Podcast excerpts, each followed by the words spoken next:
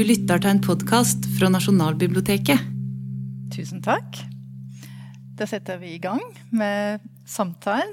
Og det er jo kanskje på sin plass å begynne med litt problematisering av selve begrepet når vi snakker om tyskerjentene. Og dette er overskriften. Um, så er jo dette et begrep som ikke er nøytral. Um, for å presisere snakker vi altså om kvinner som inngikk relasjoner til Wehrmachtsoldater eller andre som tilhørte den tyske okkupasjonsmakten uh, under andre verdenskrig. under den tyske okkupasjonen. Um, men dette er jo veldig formell, og um, jeg, jeg, tenkte å spørre deg først, Kåre. Uh, hvem snakker vi egentlig om når vi snakker om disse kvinnene som om de var én gruppe? Mm. Nei, det var jo veldig mange forskjellige kvinner. Forskjellige typer kvinner, for å si det slik, som inngikk disse forholdene. De var fra hele landet. Det var forskjellige aldre. Men eh, de fleste var vel kanskje mellom 17-18 og 35-40 år. Um, det var jo veldig mange På den tida var det mange kvinner som jobba som hushjelper, sto i butikker, hadde den type arbeid. Og mange av de, kanskje fra landsbygda, som reiste til en by og fikk seg den type jobb, de eh, Ja, de, de mangla kanskje sine nære kontakter fra før. Og i byen der var det, traff de gjerne tyske soldater. Som var på kafeer og på kino og andre steder. Og det ble oppsto forbindelser. Andre forhold kunne oppstå der tyske soldater var innkvartert privat i eh, familier rundt om i landet. Og de lærte seg norsk. Kanskje de etter et år eller to ble eh, en del av husholdningen, nærmest. Ble kjent med de. Og det var mm, veldig mange forskjellige forhold. Har vel alltid fra veldig faste, etablerte forhold med sikte på ekteskap, mange av de blir jo gift òg, eh, til eh, mer sånn festing og mer løse forbindelser. Så, så det, det, er vanskelig å si noe ensarta om de. Kan du si noe om omfanget? Fins det tall? Nei, det fins ikke tall. Og det kommer jo gjerne an på eh, dette med definisjonen av tyskerjenter. Alle norske kvinner som inngikk forhold til tyske soldater, hva innebar det? Det å smile til en tysker på gata kunne kanskje være nok for å bli betrakta som uh, tyskerjente. Uh, gå på kino med en, kanskje danse med en på en tilstelning. Og på andre sida de som hadde så tette forhold at det kunne resultere i barn. Seksuelle forhold. Og den siste gruppa er vel den vi vet noe om, da. For det kunne resultere i eh, graviditet og fødsel. Og der vet vi at det ble født minimum 8000 barn som ble registrert av tyske myndigheter. Og med svarte tall, mørketall, så var kanskje antallet la oss si 10 000-12 000. Så det er det minimumgruppa. og De må jo kunne karakteriseres som tyskerjenter, hvis en bruker det begrepet. Og hvis eh, bare ett av tre slike forhold resulterte i graviditet, så er vi oppe i 30 000. Var forholdstallet der 1 til 5, så er det snakk om 50 000. Og imellom der en plass så hvis det var la oss si 40 45 000, så utgjør det ca. 10 av norske kvinner på den tida mellom 15 og 35 år.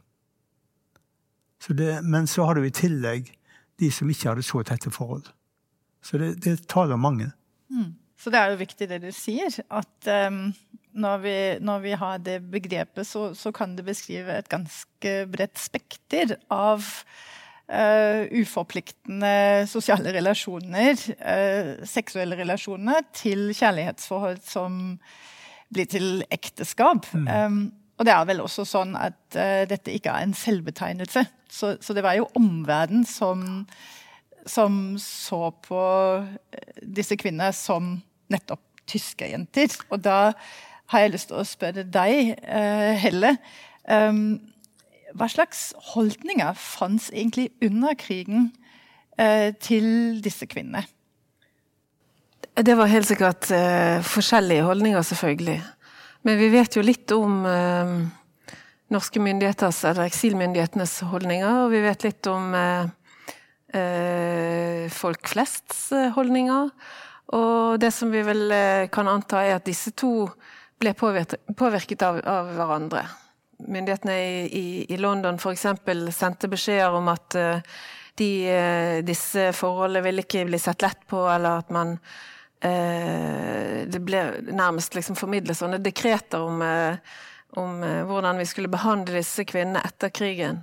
Så la de også til rette for at man skulle At, at folk flest, hvis vi kan bruke det begrepet, eh, også kunne slippe sine følelser løs ikke sant, overfor eh, disse kvinnene, der, som jo hadde tatt et eh, et valg, vil mange, vite, vil mange si. Jeg er enig med deg at det er et litt uheldig begrep. Altså at, at, tyskerjenter i seg selv ikke er et uh, optimalt begrep, i alle fall. Uh, I gamle dager så het de jo, ble de i Norge kalt for tyskertøser, som jo um, i min by Bergen, hjemby i Bergen, der betyr tø, kan tøs bety liksom små pike eller pike. Men det kan jo også bety hore, prostituert. Sånn at det er i hvert fall eh, bedre enn eh, tyskertøs vil man kunne si. Og så um, er det ikke optimalt. Så det eh, er jeg enig i.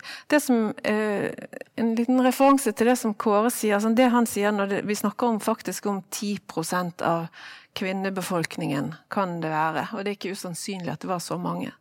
I, i, igjen, i min oppvekst så um, så var jo bildet at dette var helt unntaksvis. Dette var prostituerte, og det var bare noen sånne nærmest litt sånn us, utskudd eh, som holdt på med dette under krigen. Det var liksom bildet vi ble formidlet, eller vi ble fortalt.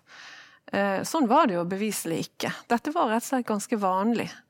Og disse kvinnene var da også ganske vanlige i den forstand at de kom fra alle lag. De kom fra eh, historiene, kjærlighetshistoriene deres var veldig ulike. Um, noen var ikke kjærlighetshistorie i det hele tatt, det var rett og slett seksuelle forhold. Uh, eller unge jenter og gutter som forelsker seg.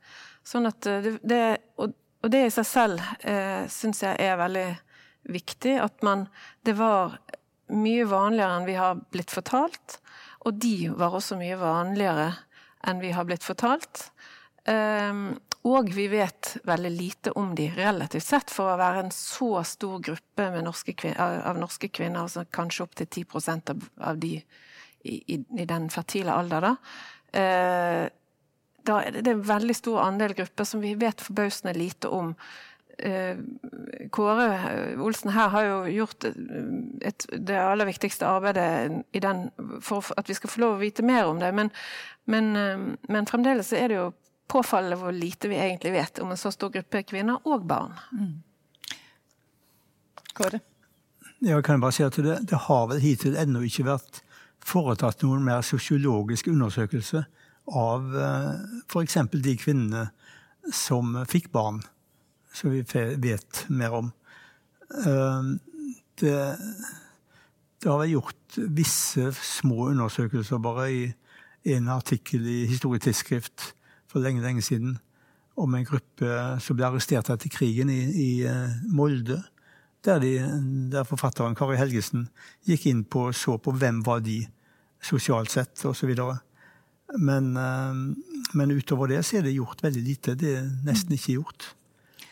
Så og Da kommer vi jo inn i, i den skamtematikken som vi skal komme tilbake til også mm. når vi kommer til etterkrigstiden. Men jeg har lyst til å dvele litt um, i disse holdningene. altså Når du sier uh, eksilregjering, utstilte nesten sånn type dekret. Um, hva, altså når vi setter oss inn i den krigskonteksten og med motstand og holdningskamp osv., hvordan ble disse relasjonene oppfattet som en sånn stor trussel? Altså Hva kan forklare de voldsomme negative reaksjonene? Jeg tenker jo at uh, altså, det, det fins jo veldig Vi må jo gradere disse reaksjonene. sant? Det er jo på mange måter så må man jo huske at det, her snakker vi om et, et, land som er okkupert. Det er ungdommer som får sin ungdomstid eh, veldig eh, redusert eller eh, begrenset.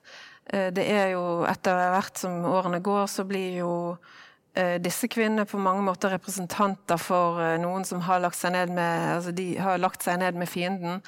Og fienden vet vi stadig mer om i løpet av krigens eh, gang, sant? og hva, den, hva, hva uh, nazistene uh, sto for.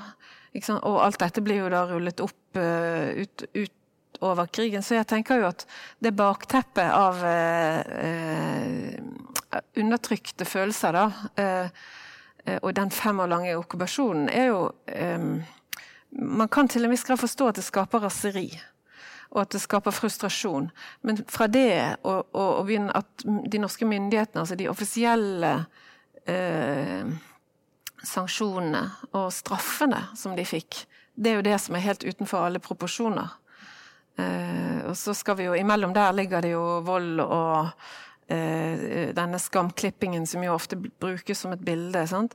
Men jeg tenker at det, det, er et stort spekter også av eh, reaksjoner og sanksjoner. Så det begynner gjerne i familie, og så utvider det seg. og topp, På toppen så har du at den norske staten fratar en del av disse gruppene statsborgerskapet. Mm. En del av disse kvinnene, unnskyld. Statsborgerskapet. Etter krigen. Ja. ja.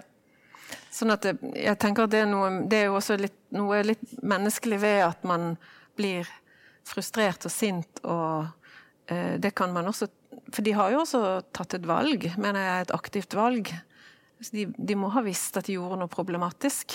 Mm. Eller som ble, ville bli oppfattet som problematisk. Men det var jo ikke forbudt. Slik at uh, det er en veldig viktig forskjell der mellom problematisk og forbudt. Og det er jo også moral og, og politikk inn, inn i, i, dette, som du kanskje ja, nei, jeg tenker på regjeringa og konge rømte landet, og de danna eksilregjering i London. Eh, så skulle jo de på en måte Hele deres legitimitet var jo at de representerte det norske folk som var okkupert. Og når det da begynte å komme meldinger om at stadig flere norske kvinner inngikk forbindelser med tyske soldater eh, Det begynte å komme rapporter om barnefødsler etableringen av Lebensborn, som tyskerne gjorde i Norge, etablering av flere hjem osv., så, videre, så er det vel naturlig at uh, eksilmyndighetene kunne se på det som en trussel mot uh, sin posisjon, sin legitimitet, som representanter for norske folk.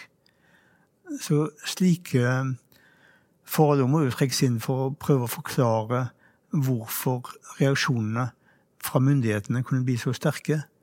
Så når stemmen fra London, Øksnevad, i mai 41 på, på BBC, meldinga til Norge, gikk ut og, og, sa at det vil bli en forferdelig straff de kvinner vil få for resten av sitt liv som ikke avviser tyske soldater, så var jo det et veldig sterkt utsagn. Det kunne oppfattes som en eh, direkte trussel overfor kvinner i Norge om at hvis dere ikke holder dere unna tyske soldater, så blir dere tatt. Eller som en advarsel at de burde holde seg unna. Eller som en spådom for hvordan det ville gå. Og ja, det slo jeg til, men det kommer vi senere tilbake til. Men, men det, tror, jo... men det, det med eksilmyndighetenes stilling der, det tror jeg har, eh, må ha spilt en viktig rolle. Mm. Torgeir, jeg skal slippe deg til. Vær så god. Uh, ja, men jeg tenkte litt i forlengelsen av det Kåre sa om uh, altså, det norske perspektivet. Altså, det er interessant med det tyske perspektivet. at uh, Wehrmacht f.eks. er veldig opptatt av det at uh, det at soldatene har norske kjærester, er på en måte en måte å Der hvor det er utbredt, så er på en måte er den tyske okkupasjonsmakten skal ikke det blir lettere for tyskerne å bli likt. da. Det er på en måte en vei inn i det, i det norske samfunnet. Og det, det, var selvfølgelig, sånn som Kåre sier, eksilmyndighetene veldig klar over. og De så det her som en trussel. Og det, på sett og vis så var det kanskje det også. Og Samtidig så jeg også er viktig å påpeke at det kan ha vært veldig store regionale forskjeller. og Særlig i flyktningrapportene fra nordmenn som hadde rømt, altså, rømt til Sverige fra Nord-Norge, så, så, kommer det fram at i hvert fall det de sier er at nesten alle bygdas kvinner har hatt et forhold til en tysk soldat på et eller annet tidspunkt i løpet av krigen. Så det har noe med hvordan forhold, altså forholdstallet mellom tyske soldater og norske, altså den norske sivilbefolkningen var på et sted, kunne også ha stor betydning da, på hvor utbredt det var, altså kjæresteforhold mellom tyske soldater og norske kvinner var. Mm. Og det har antageligvis også noe å si nettopp eh, når det kommer til reaksjonene. Om det var innkvarterte soldater i en familie, eller om det var anonyme soldater i en storby som, som var veldig negativt innstilt overfor okkupasjonsmakten. Men, men jeg vil eh, gå litt videre på dette med reaksjonen på den tyske siden. fordi Wehrmacht var vel ikke sånn uforbeholden positiv til disse relasjonene heller. Kan du utdype litt om det? Den ambivalensen der? Ja, altså For Wehrmacht så er det på en måte det viktigste er jo at uh, soldatene skal være stridsklare til enhver tid. da. Så De har på en måte et sånn ambivalent forhold, som vi sier. Altså, eh, de ser jo det at eh, det de kaller altså, Det er interessant også at eh, på tysk side så omtales da de norske jentene som norske piken, eller bare piken. Både blant soldater og også i offisielle dokumenter fra general von Falkenhorst f.eks. Så det, de, de, ser på dette som noe som er på en måte bra for soldatenes stridsmoral. Eh, men som de samtidig også ikke er interessert i at skal bli for faste eh, forhold. Så eh, selv om på en måte, raseideologien tilsier at nordmenn var høyt oppe i hierarkiet, så er det tydelig at de har de legger hindringer i veien for, eksempel, for, for, at norske kvinner og tyske soldater skal inngå i ekteskap, f.eks. Som, eh, som går utover det ideologiske og mer sånn av praktisk art. Um, og I tillegg så er det er tydelig at jeg har en litt sånn nedlatende erobrermentalitet rundt det hele sånn, i forhold til eh, eh offisiell status, f.eks. Altså, eh, norske kvinner kunne f.eks. da ikke eh, eh, i hvert fall kunne i veldig begrenset grad komme inn på de rundt 20 soldathjemmene som ble bygd i Norge i løpet av krigen. Eh, og Allerede i mars 1941 så utsteder von Falkenhorst eh, forordningen der det heter at eh, det er uverdig for tyske kvinner som på en måte jobber i soldathjemmene, å servere norske kvinner. Da. Derfor så får ikke norske kvinner adgang. Så de har det er en slags sånn blanding av en sånn praktisk nyttementalitet og også litt sånn nedlatende holdninger. på en måte. Man kan kanskje si på begge sider at kjærlighetsrelasjoner krysser de grensene også mellom okkupert og okkupant, som, som, på en måte ikke passet helt inn i bildet for, for begge sider. Og tysk Wehrmacht var vel også litt redd for dissertasjon, blant annet. Um, men at fra den tyske siden ble det også betraktet som en mulighet å, å gagner sympati, og dette nettopp igjen var, ble betraktet som veldig negativt fra motstandssidens eh, perspektiv og fra eksilregjeringsperspektiv. Så her er det ganske sammensatt eh, situasjon. Torjei, og så Kåre. Ja. Jeg tenkte bare, altså, jeg tenkte bare skulle nevne at uh, Heinrich Himmler, også, altså leder, lederen for SS, var også veldig opptatt av kvinnene. Når han, uh, altså de norske kvinnene, når han uh, utstedte en sånn forordning til de første SS-mannskapene som skulle til Norge i juni 1940. Og da skriver han eksplisitt at kvinnene er på en måte en inngangsport inn til det norske samfunnet. Altså, Dere må ta godt vare på kvinnene. Altså, han legger vekt på at det er krig mellom Norge og Tyskland, og skal være, man skal ikke opprette for nære forhold av den grunn. Men likevel så skal norske kvinner og jenter skal liksom få oppleve at de aldri har vært så trygge på gaten som under den tyske okkupasjonen. Så, um, de bruker dette aktivt som på en måte å slå en kile inn i en hva skal si, det litt sånn avstandstagende norske samfunnet. Hva er det? Jeg har òg inntrykk av at uh, tidlig under krig og okkupasjonen, når det begynte å oppstå slike forhold mellom tyske soldater og norske kvinner, så var det blant Wehrmacht-offiserer skepsis. Og det er jo naturlig ut ifra at deres oppgave i Norge var jo å være okkupantmakt. Og hvis, som du Torgeir sier, at hvis soldatene fikk for nære forhold Det ble nesten svigersønner til norske familier. Og så kunne jo det svekke deres lojalitet dersom de måtte bruke våpen og trå til som okkupantmakt.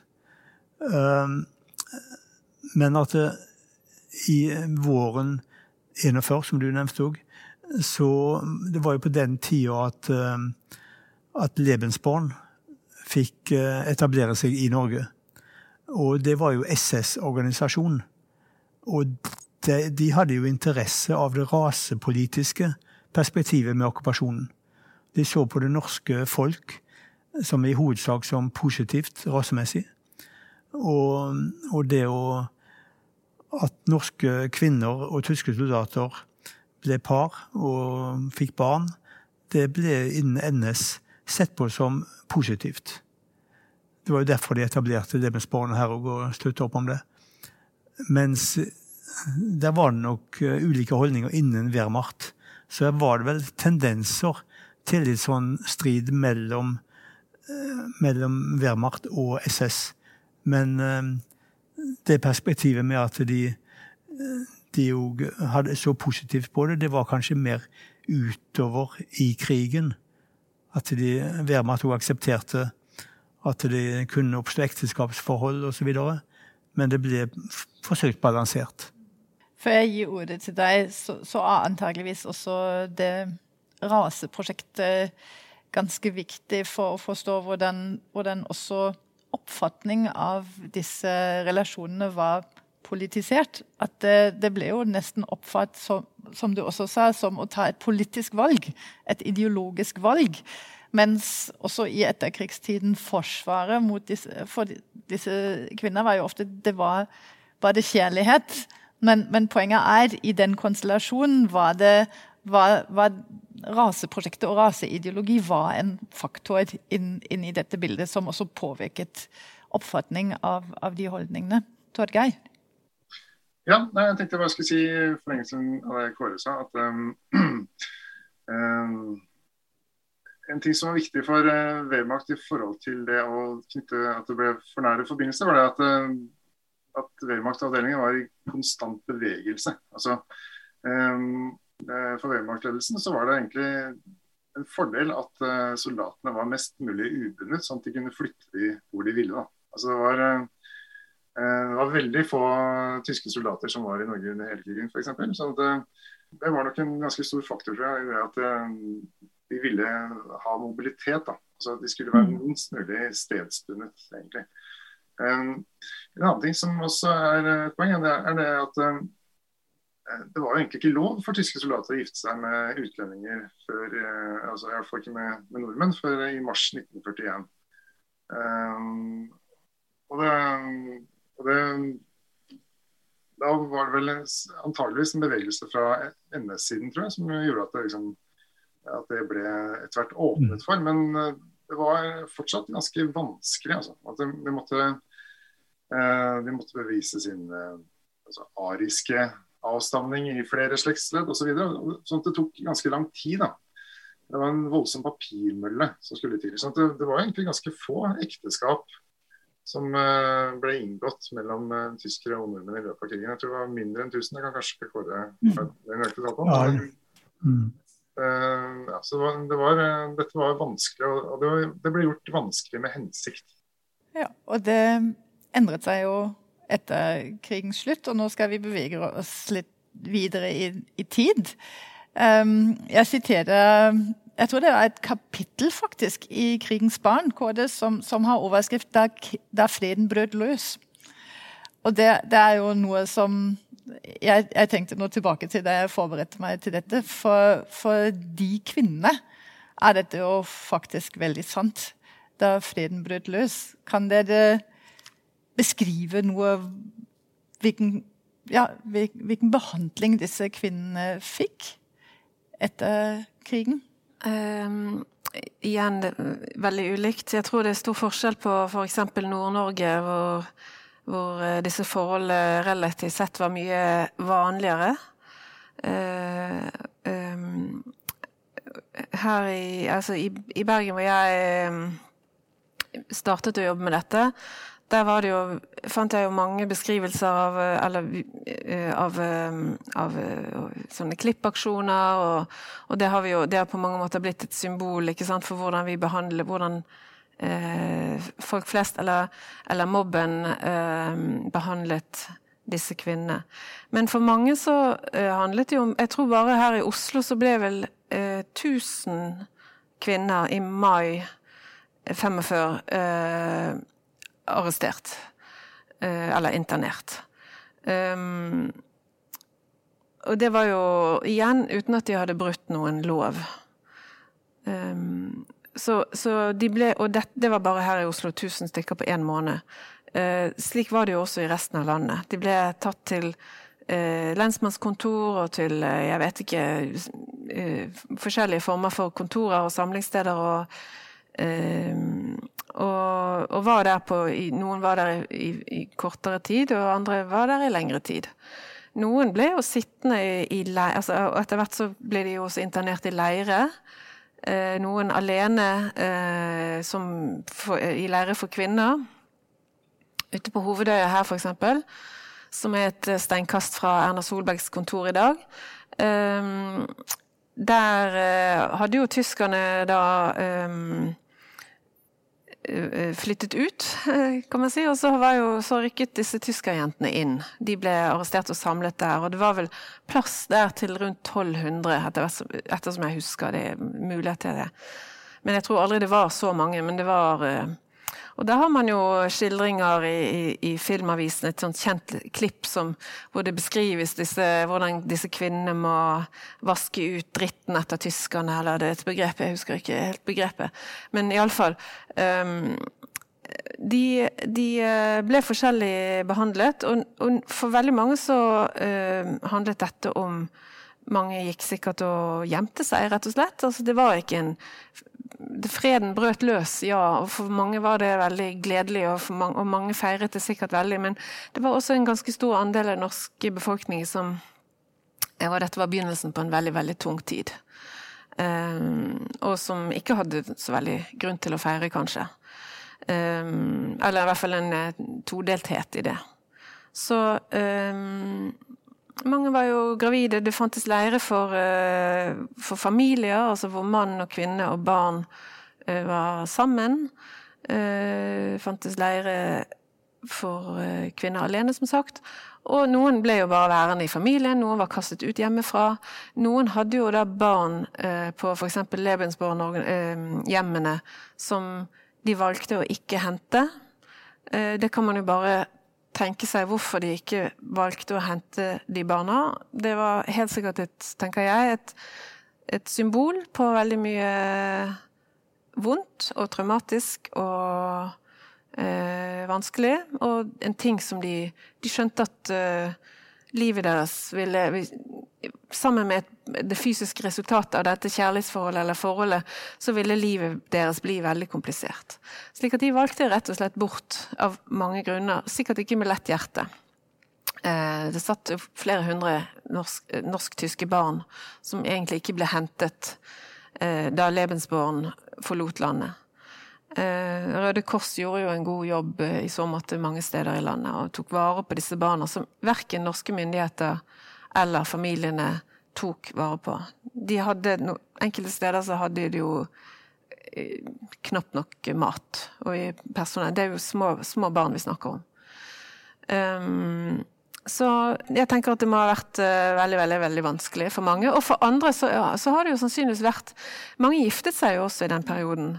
Og mange valgte da å Noen reiste frivillig, noen ble sendt ut av landet. Altså, og, og, noen um, eh, mistet altså sitt statsborgerskap. Og så har du alle familieoppgjørene som skal tas, ikke sant? Og, og alle familiene som lever videre med en, en sånn kvinne. Eh, med eller uten en sånn kvinne, da. Sånn at det, det må ha vært utrolig komplisert for veldig Så de, mange. de var stigmatisert i, i familie, i lokalmiljø, og også er det kanskje viktig å forklare litt hvordan, hvordan går det an at de, at de mistet statsborgerskap? Eh, Det var jo under krigen, som vi snakket om her, så var det noen, noen få hundre, var det vel, som oppnådde å bli gift. Eh, De måtte jo sende søknader til Berlin for å få godkjenning osv. Men så snart krigen var slutt, så kom det en strøm med vielser. Da var det mange kvinner som eh, ble gift med sine tyske kjærester. Det var antagelig, Vi har ikke noe sikre tall på det, jeg har ikke funnet det, men det var flere tusen, kanskje 2000-3000 ekteskap som ble inngått i en sånn som 17. mai 45 var visst nok en populær dag. Um, Vi har noen innførsler om dette i tyske arkiv, som fortsatt var i funksjon etter frigjøringa.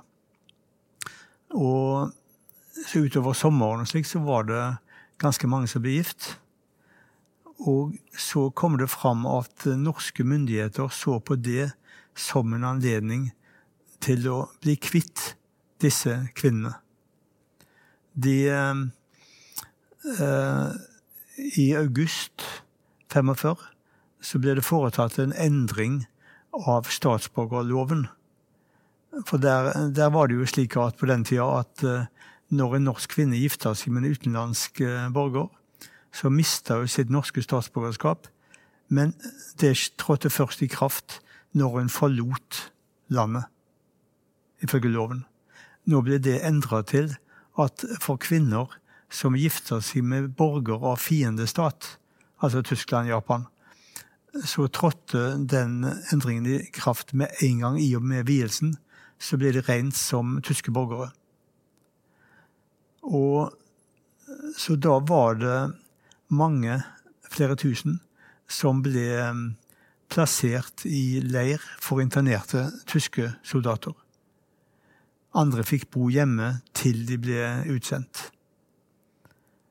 Så, så det var at de ble fratatt det norske statsborgerskapet fordi de gifta seg med tyske soldater. Som eh, Jens Christian Hauge der, når at eh, i desember, når, han, når det ble vedtatt først som en forordning i august, og så senere som lov, så begrunna han det Han var da justisminister på den tida, med at eh, det er lite rimelig at norske kvinner som under krigen har inngått ekteskap med tyskere her i landet, fortsatt må betraktes som norske borgere. Og videre. I og med at de inngår ekteskap med tyskere, bør deres politiske tilknytning til Norge være brutt. Og det er meget ønskelig at de forlater vårt land så snart som mulig. Så det var ganske klar tale, og det, og det skjedde. Og det skjedde egentlig uten at kvinnene var klar over at forordningen var trådt i kraft. Han trådte i kraft i eh, august, men det var først i, det i oktober eller november at den ble eh, offentliggjort. Så i mellomtida var det mange kvinner som eh, gifta seg. Og, eh, og den trådte i kraft med tilbakevirkende kraft. Tilbake til eh, krigen var starta i eh, 1940. Så det er to brudd her på Eller brudd på mm, på norsk grunnlov. Iallfall dette med tilbakevirkende kraft. da. Så det viser jo en veldig uf uforsonlig holdning overfor de kvinnene. Sånn apropos hva eh, det, det som du kalte et raseri. Det er jo da nesten et sånn systemisk raseri, Ja. som, man, som man kan si. Torgeir har bedt om ordet også. Ja, altså eh, Jeg tenkte at Før vi forlater krigen helt, da, så bare, jeg tenkte jeg skulle bare si litt om hvor eh, viktig det var, altså hvor viktig ekteskapslovgivning var på tysk side under krigen. altså At det faktisk gikk helt opp til Hitler. altså han eh, Det er en sånn eh, dagsbefaling fra august 1942 som er ganske interessant, som eh, går på dette her med ekteskap og det at eh, eh, altså Da har Hitler da gått gjennom alle eh, ekteskapssøknader som tyske soldater i Norge har sendt inn. Hovedsakelig så har han ikke funnet noen inn, eh, innsigelser på de. da. Men bare for å illustrere hvor, eh, opptatt han er av dette, her, så er det liksom at uh, han er bekymra for at det, det altså, uh, hvordan det rasemessige uh, ut, altså, hvordan det rasemessige sammensetningen av befolkningen i Nord-Norge er. Så han, han, han, er ikke så bekymret for Sør- og Midt-Norge, men Nord-Norge der mener han at det er liksom, ganske stort sameinnslag. At han instruerer både Hærens overkommando og soldatene selv om å være veldig nøye med eh, ja, retningslinjer for uh, å Altså de rasemessige retningslinjer for å inngå ekteskap. Så eh, Ikke for å forsvare Jens Christian sånt, men liksom, det er noe eh, Man må se de to tingene i sammenheng, tror jeg. at liksom, det, er, det kom også som en reaksjon på noe som har vært veldig tydelig under krigen. at Ved å inngå ekteskap med tysk soldat, så var det et ganske radikalt valg også.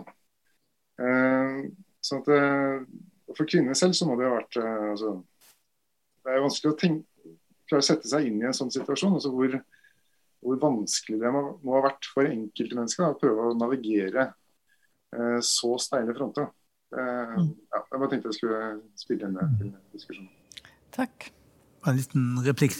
Det er forståelig, alt dette.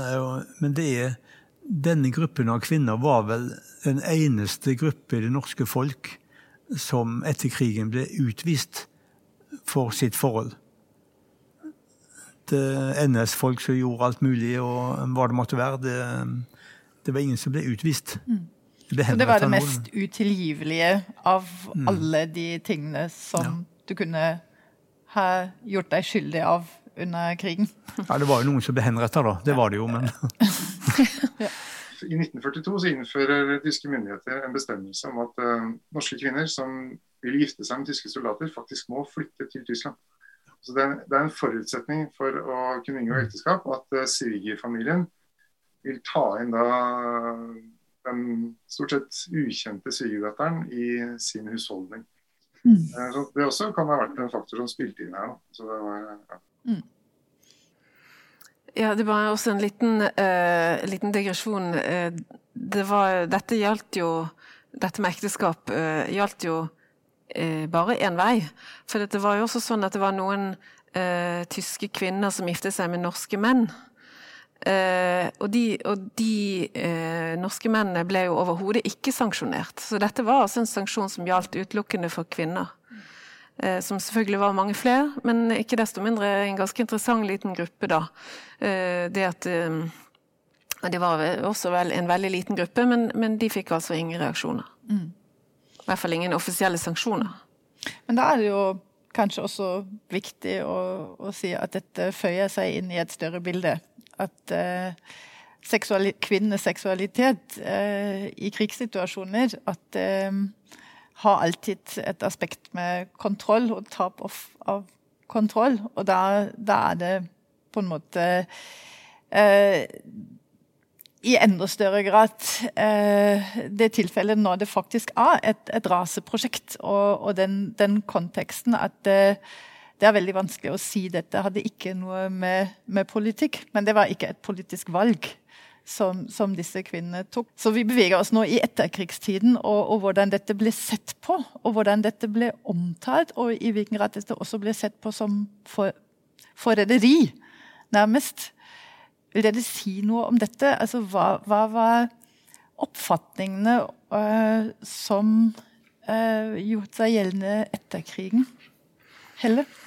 Uh, nei, bare litt tilbake igjen til dette med til dette med kjønnsperspektivet. Altså, jeg tror også det føyer seg videre også i etterkrigstiden. Det at vi ikke vet noe om at, Eller at vi vet så lite om denne gruppen. Man kan jo prøve å tenke seg hvis 10% av norske menn i den alderen hadde blitt utsatt for eh, ganske systematiske eh, både statlige, kommunale, fylkesmessige eh, overgrep. Um, og ikke minst eh, vold på gaten osv. Eh, om ikke vi hadde visst kanskje litt mer om de. Og jeg tror at eh, det er jo litt sånn også at eh, vi forteller for det første alltid seierherrens historie. Det er det vi har vært opptatt av. Krigshistorikere. Eh, det handler ofte om det, oftere, i hvert fall er mitt inntrykk, dere må korrigere meg, men at det handler oftere om det store maskineriet, slagene, generaltoppene, mens de som da er hjemme og holder, holder livet gående, på en måte, der, det, det, inngår ikke som en like viktig del i, i mange krigsfortellinger. da. Eh, og det ser vi jo nå at det kanskje er en tendens at det, det perspektivet kommer mer og mer. Men, eh, men det har vært eh, bemerkelsesverdig. Og, og sånn tror jeg det er overalt. Det fødes krigsbarn hver dag. Det, fødes, det inngås slike ekteskap hver eneste dag. I, men det er ikke det vi først og fremst adresserer når vi snakker om de ulike krigene. Vi snakker om, vi begynner på toppen, på, på toppen og så eh, Det som kommer aller sist, er kvinner og barn, da tror jeg. Hvis vi tenker oss at uh, den tyske okkupasjonsmakt hadde bestått av noen hundre tusen tyske kvinner, kvinnelige soldater, og ikke mannlige, så kan vi bare fantasere om hvordan norske menn hadde reagert. Nei, det er bare sånn hypotetisk. Men uh, nok om det, altså. Men uh, det er klart at her beveger en seg inne på sånne dyptliggende psykologiske mekanismer som kanskje bare kommer til overflata i slike situasjoner som krig og okkupasjon, veldig dramatiske, der eh, sosiale konvensjoner blir skrelt vekk, og en kommer ned på grunnfjellet av eh, holdninger, på en måte. Og det er da en liksom kan begynne å lure på og spekulere i om, om det eh, kan sies at kvinner på en måte blir rent som symbolet på nasjonen og nasjonens eiendom nasjonal eiendom. Og når da kvinnen svikter det bildet, så blir reaksjonen deretter. Sånn som når det Bjørnson skrev eh, i nasjonalsangen vår Fedrene har kjempet, mødrene har grett. Så er jo liksom rollefordelinga klar.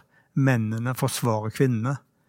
Men når da kvinnene går til køys med okkupantsoldatene, så er det noe her som skjærer seg. Og mm, så sett ut ifra det kvinnesynet som var dominerende på den tida, og disse psykologiske mekanismene, så er det for så vidt forståelig at det skjedde. Det, mm, og I tillegg så kom jo da eh, at disse kvinnene gikk arm i arm med tyske soldater på gata. Det var veldig sånn åpenlys fraternisering med fienden. At det ble liksom symbolet på sviket. På en annen måte kanskje enn NS-folk og eh, forretningsfolk som gjorde dette mer i det skjulte. Eh, på andre måter. Så det eh, Og så er det midt oppi en, en periode med nasjonal Eller aktiv nasjonsbygging. Det var bare 40 år tilbake til 1905.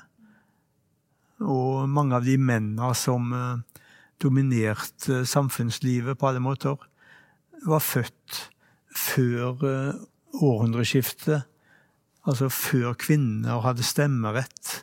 Altså det er mange elementer her som bygger opp om, om at det ble slik.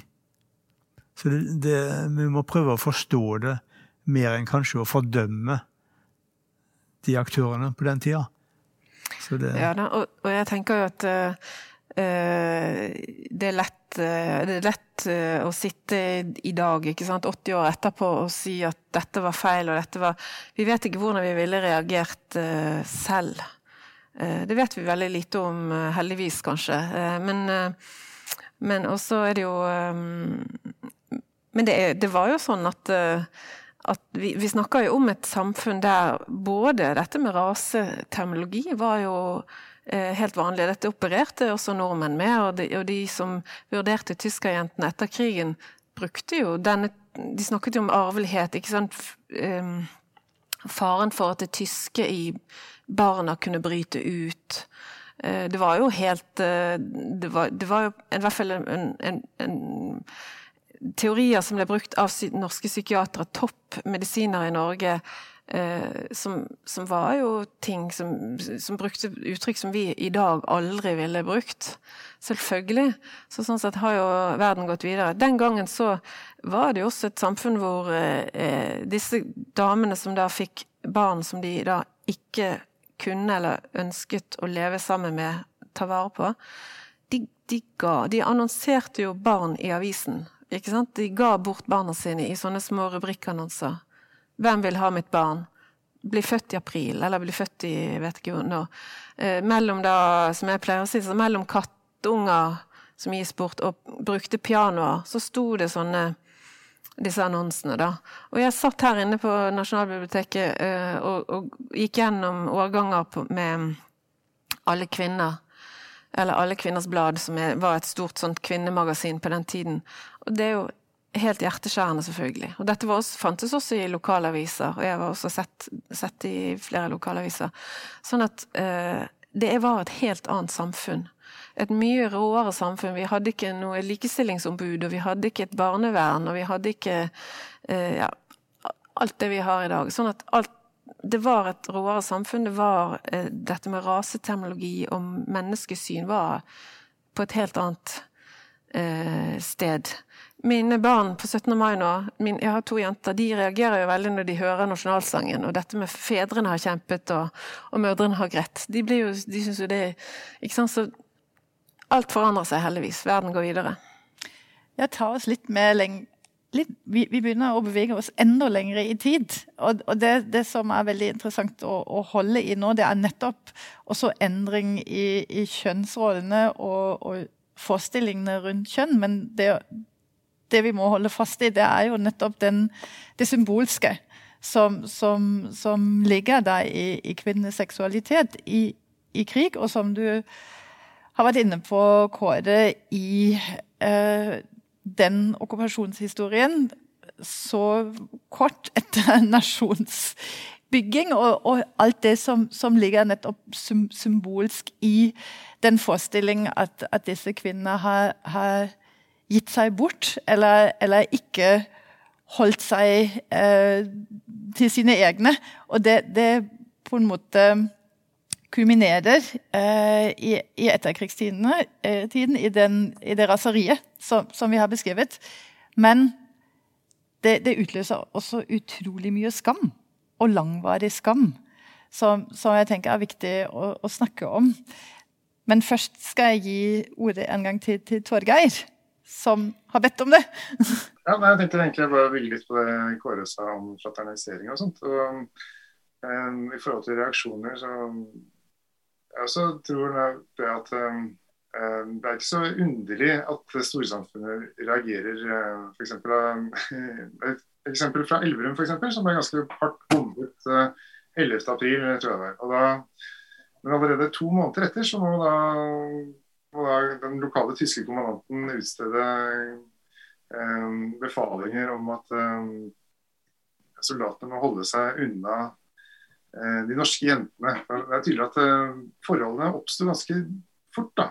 Altså Kort tid etter at felttoget var avsluttet og sånt. Så, eh, så det er med tanke på at eh, det hadde vært ganske store ødeleggelser i Elverum by f.eks., så er det kanskje da ikke så underlig at enkelte ble provosert over, å se unge norske jenter arm i arm med tyske soldater eh, kort tid etterpå. Og, eh, det som er, for det er veldig tydelig at de, de, tyske soldatene de var unge menn, og de visste at de kunne være døde om en uke eller en måned, et år for den saks skyld. Altså, og de var veldig opptatt av å, å leve.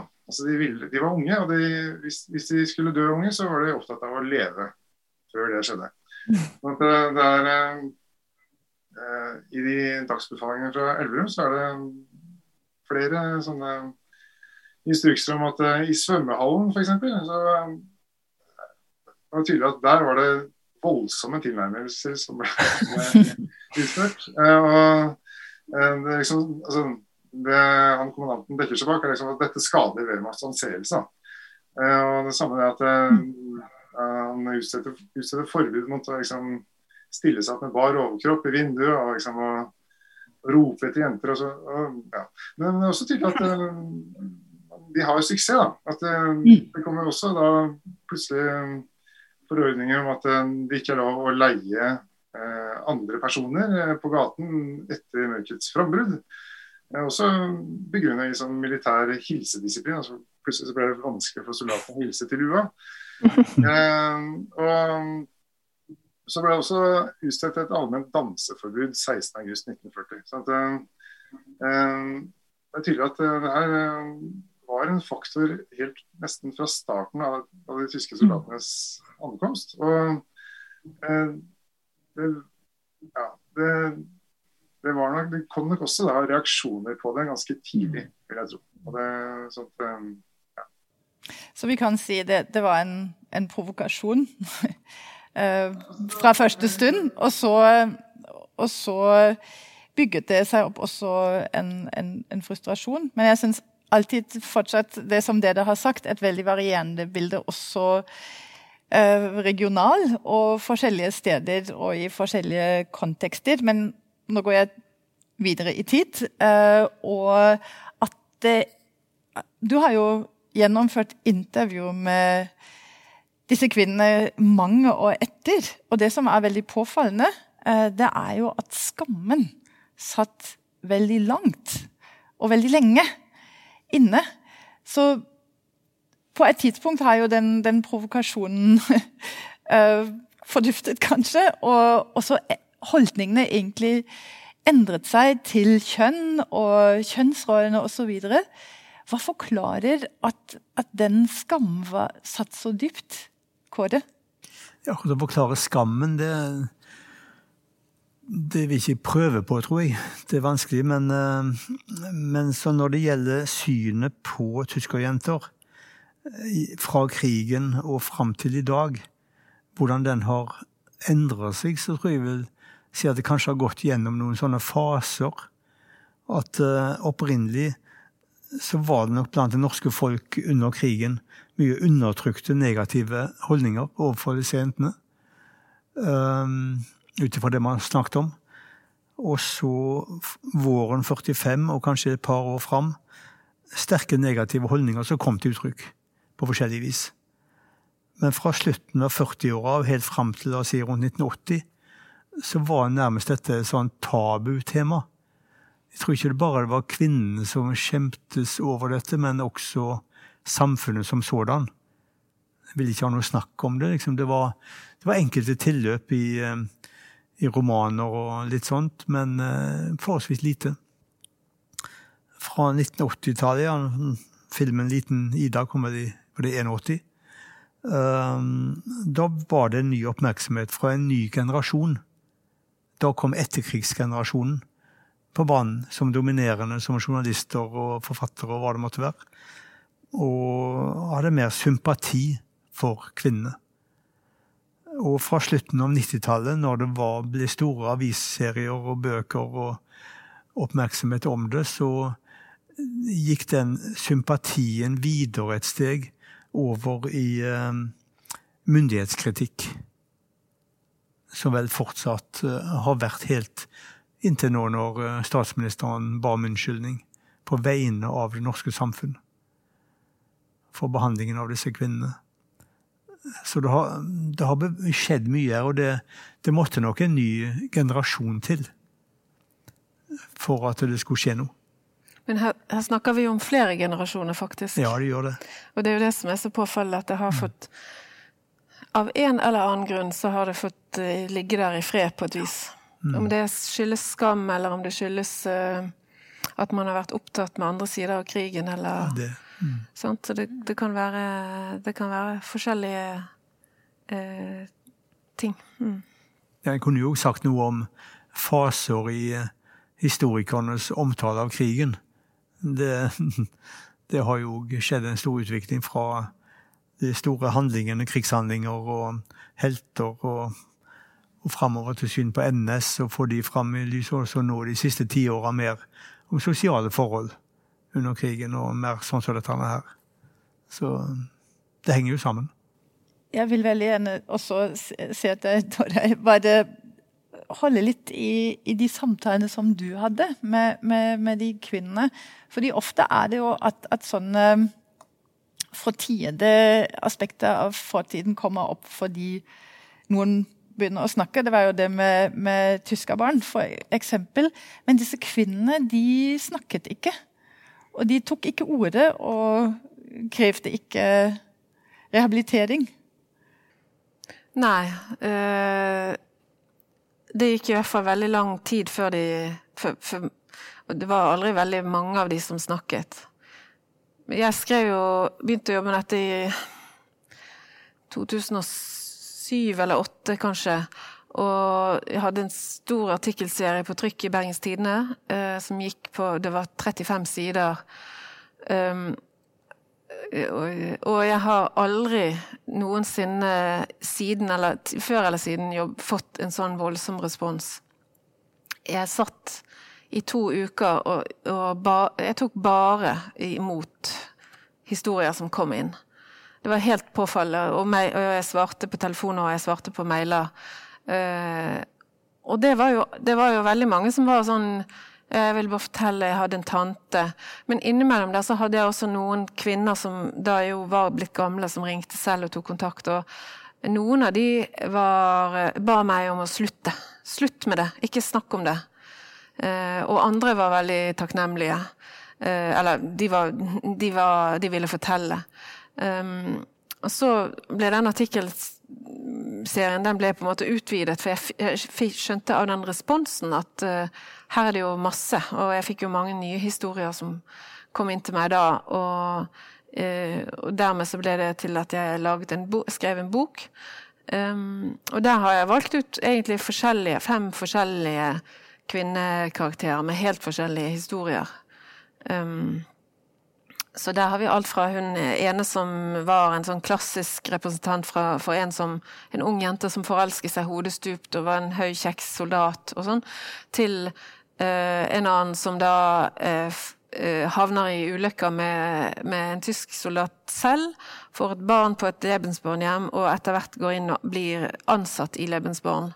Eh, altså en norsk ansatt, lokalt ansatt, og, og hele hennes perspektiver. Hun er da eh, i krigs... Eh, I fredsdagene så følger hun så samler hun sammen alt av papirer rundt disse barna på Vestlandet og tar det med seg over til Østlandet, ute i Bærum, på, på Godthopp i, i Bærum. Der er det da veldig mange av disse barna samlet etter krigen. Og hun blir værende der over sommeren. Og der kommer det jo ja, ikke sant. Det kommer jo eh, motstandsmenn som kommer for å klippe henne og forteller eh, hun, forteller eh, veldig Det fortalte Nå er de alle sammen døde, dessverre, men hun fortalte veldig sterkt om, om det, da. Og, og, det var også en verdifull nyanse, og for meg et verdifullt innblikk i en kvinne som selv hadde vært i det systemet, og som ble, valgte å bli en del av det systemet, og som levde um, videre, det må jeg si. fordi at alle disse fem kvinner som jeg eh, snakket med og intervjuet, eh, kanskje med et unntak, eh, levde veldig godt med sin, sitt valg. De, men det var jo også de såkalte liksom, de vellykkede kjærlighetshistoriene som førte til ekteskap, og, og det varte livet ut osv. Så videre, sånn at det er lettere kanskje å forsvare. Det var ett eh, Det lille unntaket var en kvinne som eh, som jeg ikke intervjuet. Jeg intervjuet sønnen hennes. Eh, som, og hun ble jo da utsatt for eh, masse Hun ble betegnet som eh, Altså, hun ble, fikk sy store psykiske problemer og ble eh, på institusjonen som hun havnet på, omtalt som hyperseksuell. Eh, for hun hadde hatt flere relasjoner, og ble også lobotomert rett og slett flere ganger. For å elektrosjokk flere ganger og ble også lobotomert fordi at hun hadde, hatt, hun hadde eh, disse driftene, da. Uheldige driftene. Og han, eh, han var jo da gutten hennes, mannen hennes, eller sønnen hennes, som da var blitt en mann, var jo en, et krigsbarn som hadde uh, fått betale for, uh, for morens valg, da. I for kraft av både identitet og, og, og, helse, rett og slett.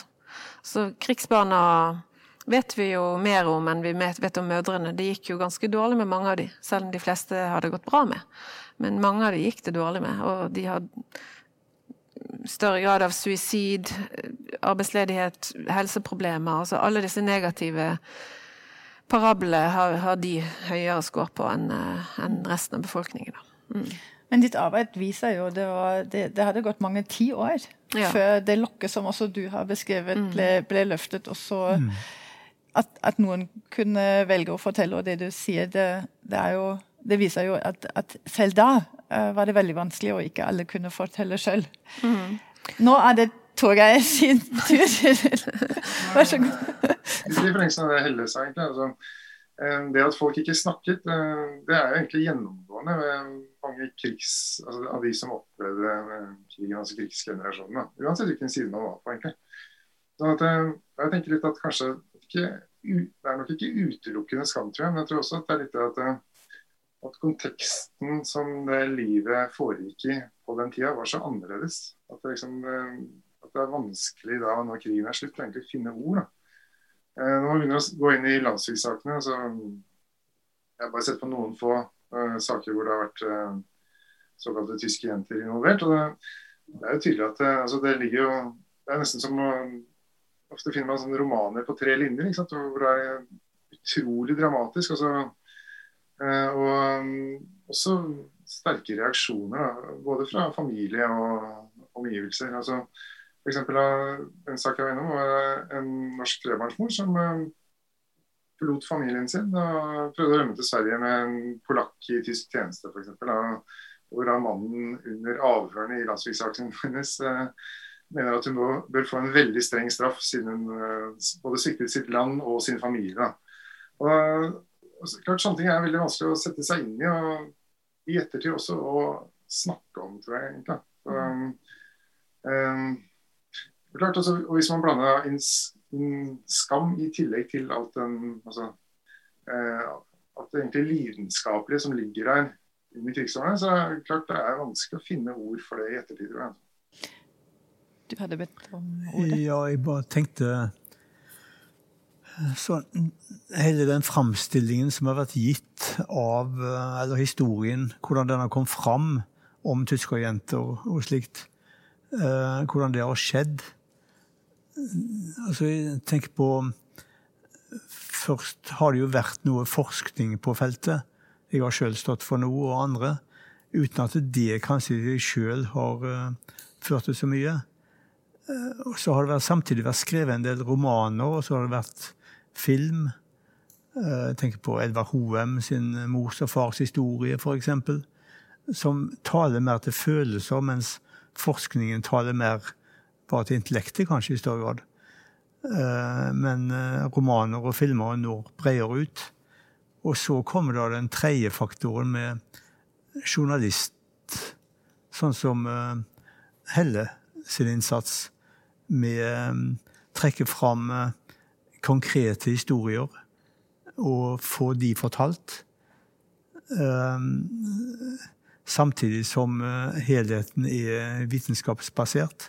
Altså den kombinasjonen av intellekt og følelser.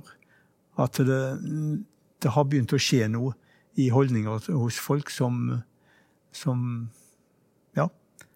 At det, det er den kombinasjonen der som kanskje har fungert. Det gir meg Vi begynner å nærme oss slutten, dessverre. Jeg kunne sittet her litt, litt, til. Um, men, men, et tredje element er jo da det politiske. Uh, og da har jeg lyst til å stille som et sånt avsluttende spørsmål, og nå begynner vi nå, nærme oss nåtiden. Så har jo kommet uh, unnskyldning fra statsministeren i 2018.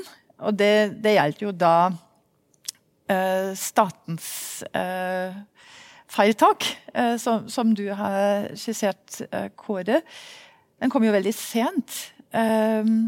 Man kan jo spørre, kom, Den kom jo for sent for veldig mange av de kvinnene, ikke alle.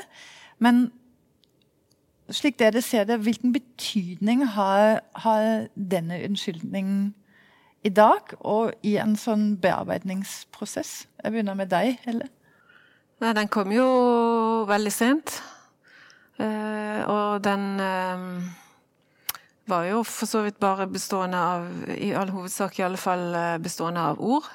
Men jeg tror for mange, ikke minst for, også for etterkommere, for, for det satt jo eh, personer i salen den dagen som, vi, som, var enormt glad og takknemlig for det. Eh, andre har vært provosert og mener at det er verdiløst og det kommer for sent osv. Eh, jeg tenker at hvis vi skal ha Og jeg, jeg mener at det var bra at den kom, eh, men hvis den skal ha noen Iallfall så det, vi, Hele poenget med å diskutere historie må jo være at vi lærer noe av det. Uh, og at vi tar det med oss videre. Um, og som jeg sa i sted, det fødes jo krigsbarn hver dag. Og vi har jo uh, Og vi har jo kvinner som uh, legger seg ned med fienden i dag også. Eh, også i Norge. Vi har norske kvinner som sant, har reist eh, med fremmedkrigere f.eks. i Syria. Det er mange forskjeller på det. Veldig mange forskjeller. F.eks. For at det var ulovlig da de fleste dro. Så de, et, de, gjorde noe ulovlig. Det er en vesensforskjell. Men det som er felles, er jo at de har jo eh, Det har jo blitt barn av det. Og hvordan tar vi vare på de barna? Slik at eh, det finnes norske barn i Syria i dag som den norske staten ikke gjør så mye eh, for.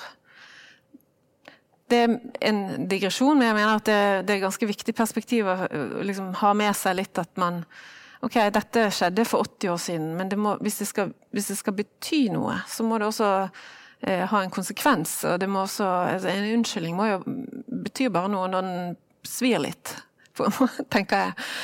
Og eh, og eh, det er i hvert fall eh, Jeg syns det er interessant sånn tankeøvelse da, å, å, å gjøre. At, eh, hva, hva, gjør Erna Solberg med de barna i dag?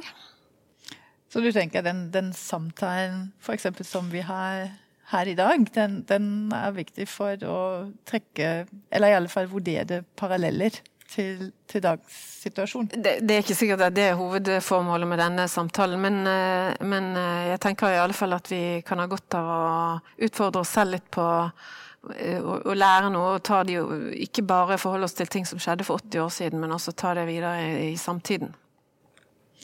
Kåre?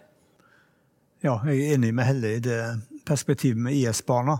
Det var jo visse paralleller til norske krigsbarn òg som havna i Tyskland. Eh, og som etter krigen så ville ikke norske myndigheter ha det hjem igjen. Det gikk lang tid før. Ja, så der er det paralleller. Eh, men ellers, når det gjelder det med unnskyldningen, så har jeg hele tida sagt at det vil ikke jeg forholde meg til. Det er et politisk spørsmål. Det får eh, politikere ta seg av. Oppgaven som historiker og slikt er jo mer å, å få, få fram hva har skjedd, og prøve og kanskje hun forklarer litt hva som har skjedd, men så får andre grupper i samfunnet kjøre det videre, eventuelt. Men øh, det jeg nå kunne nå, har, nå, er jo de aller, aller, aller fleste av tysker, disse tyskerjentene er jo døde nå etter hvert. Og de opplevde aldri å få bli bedt om unnskyldning på den måten. Uh, så det er jo litt sårt, kanskje òg sikkert for eh, mange av deres barn osv. Men eh, det jeg kunne forvente, kanskje, var at, eh, at unnskyldningen ble fulgt opp av midler til mer forskning på et tema. Så en kunne finne ut hvem var disse kvinnene? Hvordan skjedde dette? Jeg vet jo at de Torgeir nevnte her Landsvik-saker der det var noen eksempler på konkrete dokumenter og så videre om handlinger. Men i uh, arkivet etter uh, Lebensborn, der det fins omtrent 8000 saksmapper, der er det utallige historier som overgår enhver ukebladfortelling i dramatikk. Og der kan du òg bli kjent med eh, hvordan de brev som ligger der, fra begge parter, hvordan de forklarer sine forhold. Um, og det um, Søknader om ekteskap osv. osv. Så, så, så, så det fins materiale, og det bør det være mulig å, å komme videre i kunnskapen om dette temaet. Ja. Torgeir? Ja, altså Jeg er også litt enig med Kåre der. at det liksom som historiker så føler jeg ikke at det er min oppgave å ta stilling til uh, akkurat unnskyldning og sånt. Men um, så jeg også føler at uh, for min generasjon kanskje så er det viktig med å, å klare å Etter hvert som arkivmaterialet blir mer tilgjengelig, f.eks. Landssvikarkivet som har blitt digitalisert osv., så, videre, så prøve å vise fram nyanser og sånt. Altså, rett og slett Eh, få mer kunnskap om temaet. Det er vel det korte svaret jeg tror jeg. Liksom, eh, jeg føler at det er litt vanskelig å ta stilling til egentlig, det er et politisk spørsmål. Det, er klart, altså, det som er viktig, kanskje særlig for uskyldig tredjepart, og barna er uskyldige uansett.